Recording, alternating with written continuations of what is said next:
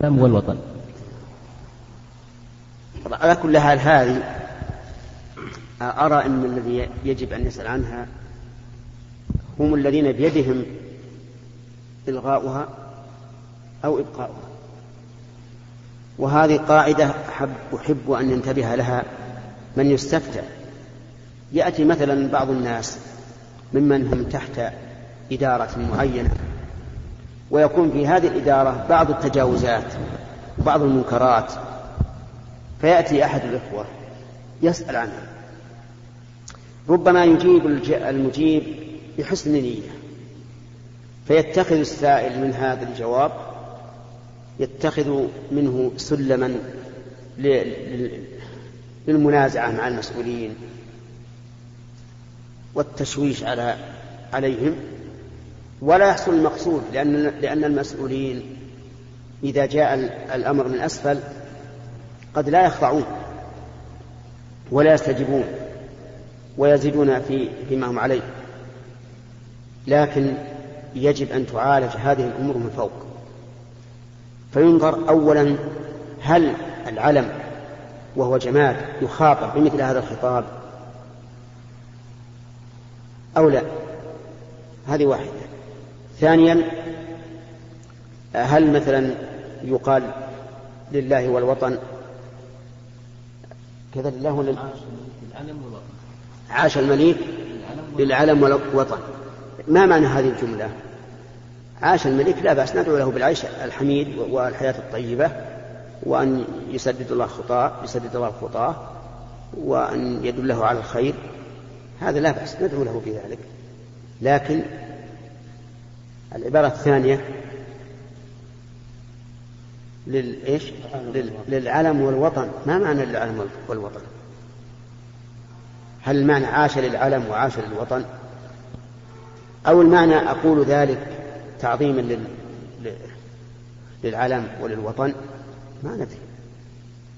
والحقيقة أنه أن الذي ينبغي هو أن نوجه شبابنا إلى التحمس للدين. مو للوطن. لأن التحمس للوطن أو للقومية أو ما أشبه ذلك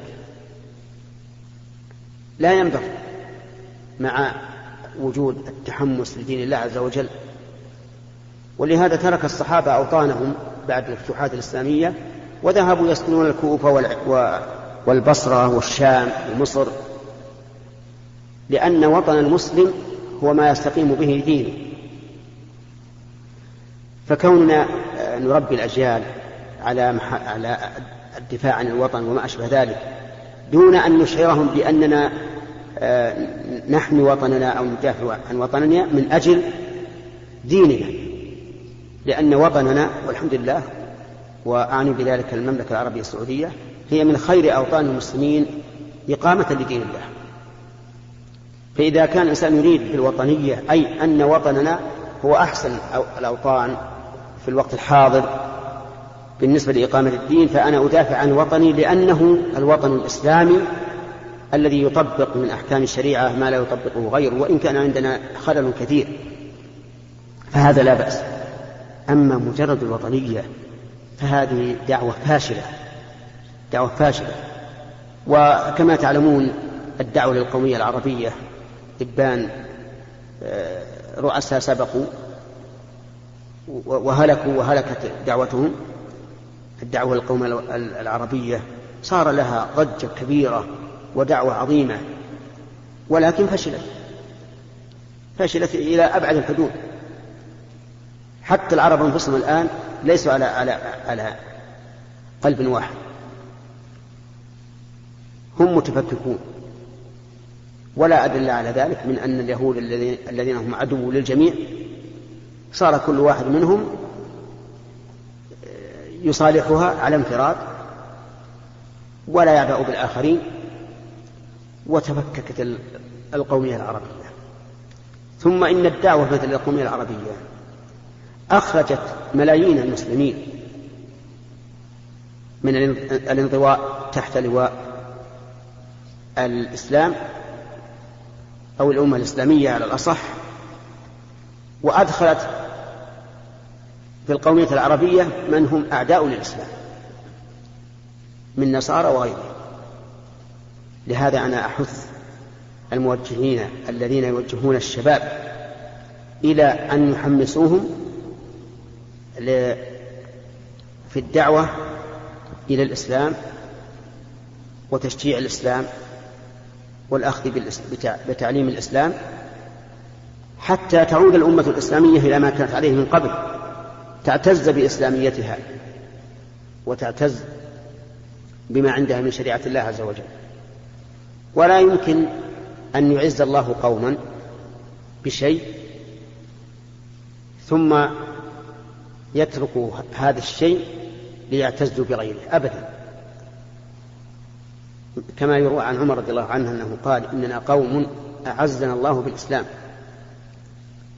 يعني فإذا تركنا الإسلام ذهبت العزة. وهذا حقيقة. العرب العرباء الذين هم عرب الأقحاح هم الذين في عهد الرسول عليه الصلاة والسلام وفيما قبله من زمن الجاهلية. ومع ذلك ما انتصروا على غيرهم من الفرس والروم إلا بالإسلام. نعم. السلام عليكم ورحمة الله وبركاته السلام ورحمة الله وبركاته. هذا السؤال من مادة الفقه للصف الثالث. إيش؟ هذا السؤال من مادة الفقه في الصف الثالث متوسط للبنات. عن التورق ما حكمه وما هو؟ ما هو التورق وما حكمه تورق؟ التورق هو أن يحتاج الإنسان إلى دراهم. يحتاج إلى دراهم ليشتري سيارة. ولم يجد من يقرضه.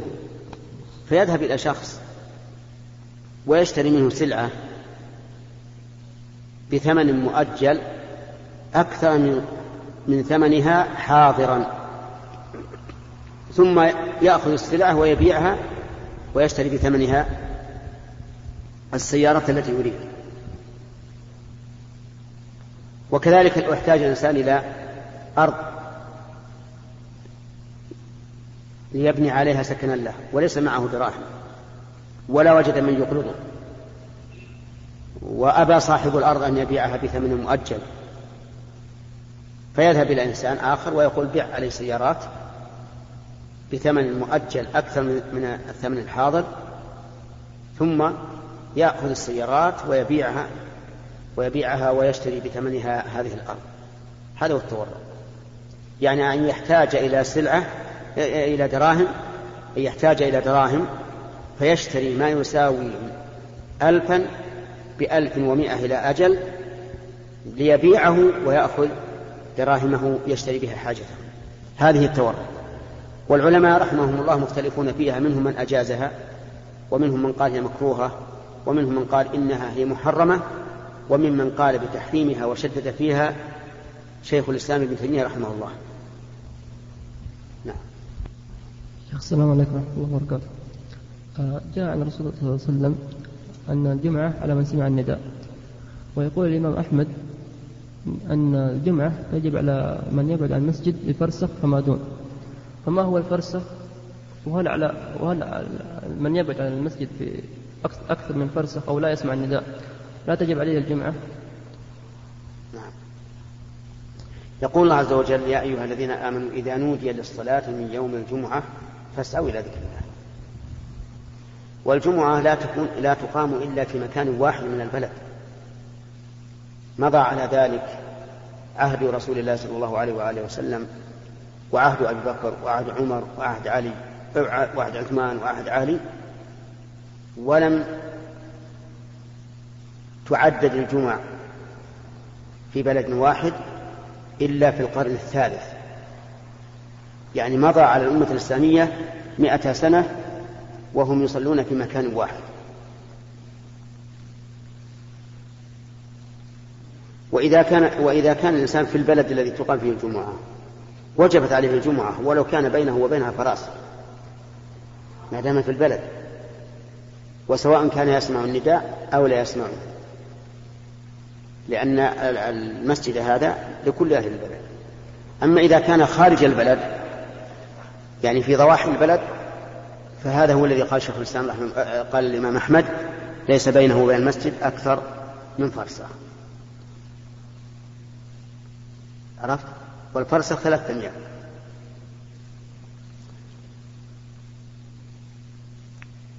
وإنما قلت لك هذا إن أنه مضى على هذه الأمة الإسلامية مئة سنة ولم تعدد الجمع في المساجد. من أجل أن تنتبه لما يفعله الناس اليوم حيث يعددون الجمع حتى أصبحت في بعض البلاد كأنهم كأنها صلاة عادية كأنها صلاة ظهر. تقام في كل مسجد. هذا ليس في بلادنا والحمد لله لكن في في البلاد الأخرى. وهذا خطأ. فإن فإن من حكمة الشرع أن يجعل لمعتنقي الشرع يوما في الأسبوع يجتمعون فيه ويصدرون عن إمام واحد وعن رأي واحد. فإذا تعدت الجمع زالت هذه الحكمة. نعم. فسر بعضهم قول الله تعالى في سورة الذاريات إنهم كانوا محسنين. قبل ذلك. قبل ذلك. إنهم كانوا قبل ذلك محسنين. إنهم كانوا قبل ذلك محسنين. قال المحسنين هم الذين أحسنوا إلى الله سبحانه وتعالى وأحسنوا إلى الناس. آه، كيف نوفق بين قول الرسول صلى الله عليه وسلم وبين هذا التعريف؟ آه، قول الرسول صلى الله عليه وسلم من حديث عبد الله بن عمرو أو بن عمر. قال المسلم من سلم المسلمون من لسانه ويده. هل يكون هذا التعريف من الإسلام خاص؟ ما فهمت وجه الإشكال؟ لم أفهم وجه وجه الإشكال. يا شيخ الذين يحسن يحسن إلى العباد والذي يحسن إلى رب العباد. هل يكون مطبقا لهذا الحديث السابق ويكون إسلامه إسلام خاص فقط؟ قوله تبارك وتعالى إنهم كانوا قبل ذلك محسنين. الإحسان إما في عبادة الله وإما في معاملة عباد الله. فالإحسان في, عباد في, في عبادة الله بينه الرسول عليه الصلاة والسلام قال أن تعبد الله كأنك تراه فإن لم تكن تراه فإنه يراك. والإحسان في معاملة الخلق فسره النبي صلى الله عليه وسلم أيضا بقوله لا يؤمن أحدكم حتى يحب لأخيه ما يحب لنفسه. وقال عليه الصلاة والسلام من أحب أن يزحزح عن النار ويدخل الجنة فلتأتي منيته وهو يؤمن بالله واليوم الآخر وليأتي إلى الناس ما يحب أن يؤتى إليه. فهذا هو الإحسان في معاملة الخلق. والإحسان في الآية الكريمة ذكر الله تعالى آه، صنفا منه ونوعا منه في قوله كانوا قليلا من الليل ما يهجعون وبالأسحار هم يستغفرون إلى آخره. فالمهم أن الإحسان يكون في عبادة الله ويكون في معاملة عباد الله. أما قوله صلى الله عليه وعلى آله وسلم المسلم ما سلم المسلمون من لسان ويده فهذا الإحسان في معاملة الناس. نعم. والسلام ورحمة الله في البداية نحب نخبرك أن أتينا من المنطقة الشرقية. السلام عليكم. عليكم السلام. بارك الله فيكم ونتمنى زيارتكم المنطقة الشرقية لإلقاء محاضرة هناك وشيء آخر السؤال الأول يا شيخ. أقول نسأل الله أن ييسر هذا. نسأل الله ذلك يعني والله يشرفنا ذلك كثيرا يعني. الله يبارك فيك. المحاضرات ليست بذلك الكثرة مثل هنا الرياض وغيرها. نعم. السؤال الأول يا فضيلة الشيخ هل الإعداد وليس الجهاد؟ الإعداد هل هو فرض عين أم فرض كفاية؟ آه، الإعداد للجهاد ومباشرة الجهاد فرض كفاية. فلو وجدنا مثلا أمة آه، تستعد للجهاد في سبيل الله وعندها ما يكفي صار في حق الآخرين سنة وليس بواجب. وإذا لم يوجد أحد أثم الجميع في عدم الإعداد وعدم الجهاد. لكن الأمر كما ترى في الوقت الحاضر. ليس هناك صدق مع الله. لا بالنسبة للناس ولا بالنسبة لحكام الناس. فأما الناس فتجد عامة الناس وأكثر الناس غافلون عن هذا إطلاقا. وليس عندهم استعداد. وهم في غفلة. بل, لا بل, بل لم يحصل منهم ولا جهاد أنفسهم. عن محارم الله. وأما الحكام فكما ترى. غافلون عن هذا نهائيا. ولذلك أصبحت الأمة الإسلامية الآن أمة ممزقة متفرقة وأصبح الكفار هم الذين لهم السيطرة على العالم ولا يمكن أن يكون لنا سيطرة على العالم وعلى الكفار إلا بالرجوع إلى الدين الذي بعث الله فيه محمد صلى الله عليه وسلم وتطبيقه عقيدة وقولا وعملا في عبادة الله وفي معاملة عباد الله. ولهذا لما قال أبو سفيان لهرقل ما يعلمه من صفات الرسول عليه الصلاة والسلام ومعاملته قال له إن كان ما تقول حقا فسيملك ما تحت قدمي هاتين. فنحن الآن في حال يرثى لها في الواقع. نسأل الله تعالى أن يعيد للأمة الإسلامية مجدها. طيب يا شيخ يعني هل الإنسان إذا توفرت له الفرصة للإعداد يعني الذهاب إلى منطقة يعد نفسه للسلاح هل يصبح في حقه فرض عين أن يذهب؟ هو فرض كفاية. لا يكون لا يكون جهة فرض عين إلا في أحوال معينة. بس عينها العلماء.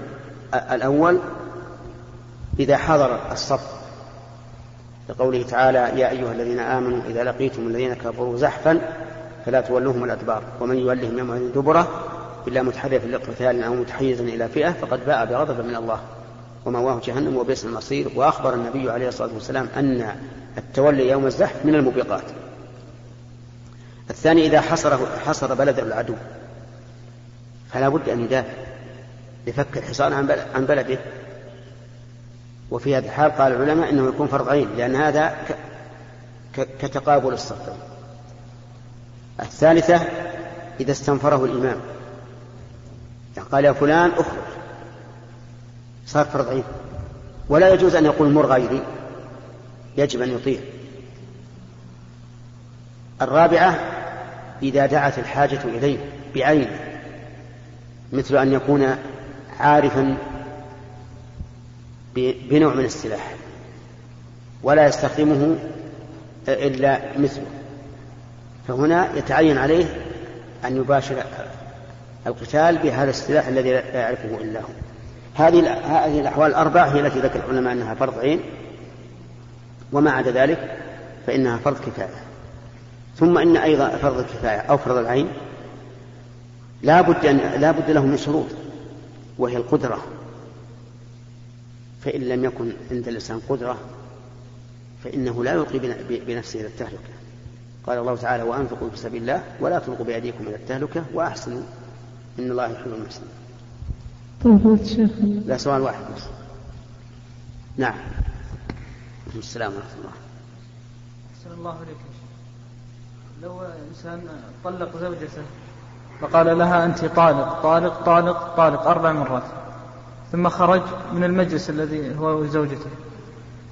ثم لحق أخو الزوجة. فقال أنت طلقتها؟ فقال هي نعم طالق طالق مرتان.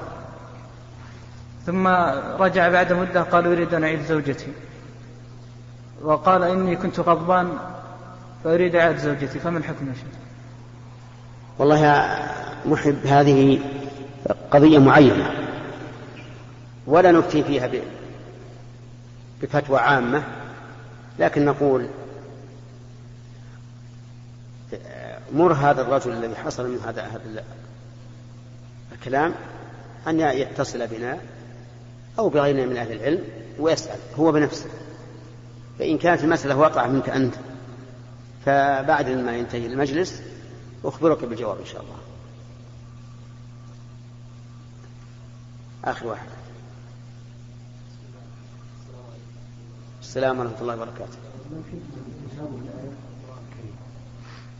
من أي ناحية؟ من أي ناحية؟ من ناحية المعنى ولا من ناحية اللفظ؟ لا من ناحية اللفظ نعم الحكمة من تشابه الآيات في القرآن الكريم من حيث اللفظ هو تكرار ما تفيده هذه الآيات من المعاني على النفوس من أجل أن يهتم به الإنسان ولهذا تجد بعض الآيات تكرر فيها الآية الواحدة عدة مرات. مثلا في سورة الرحمن كرر قوله تعالى فبأي آلاء ربكما تكذبان؟ عدة مرات أكثر من ثلاثين مرة. وفي سورة المرسلات كرر قوله ويل يومئذ للمكذبين. من أجل الاهتمام والعناية في هذا الأمر. هنا. والآن أذن لصلاة الظهر. فنجيب إن شاء الله أيها الإخوة داعي. في ختام ونسأل الله تعالى لنا ولكم التوفيق. نسأل الله أن نلقاكم يرزقنا العلم في لقاءات والعمل متجددة الصالح. مع تحيات مؤسسة الاستقامة الإسلامية للإنتاج والتوزيع في عنيزة. شارع هلالة رقم الهاتف والناسخة الهاتفية صفر ستة ثلاثة ستة أربعة ثمانية ثمانية ثمانية صفر. والرقم الثاني صفر ستة ثلاثة ستة أربعة خمسة ثمانية ثمانية صفر. ورقم صندوق البريد اثنان وخمسمائة وألف.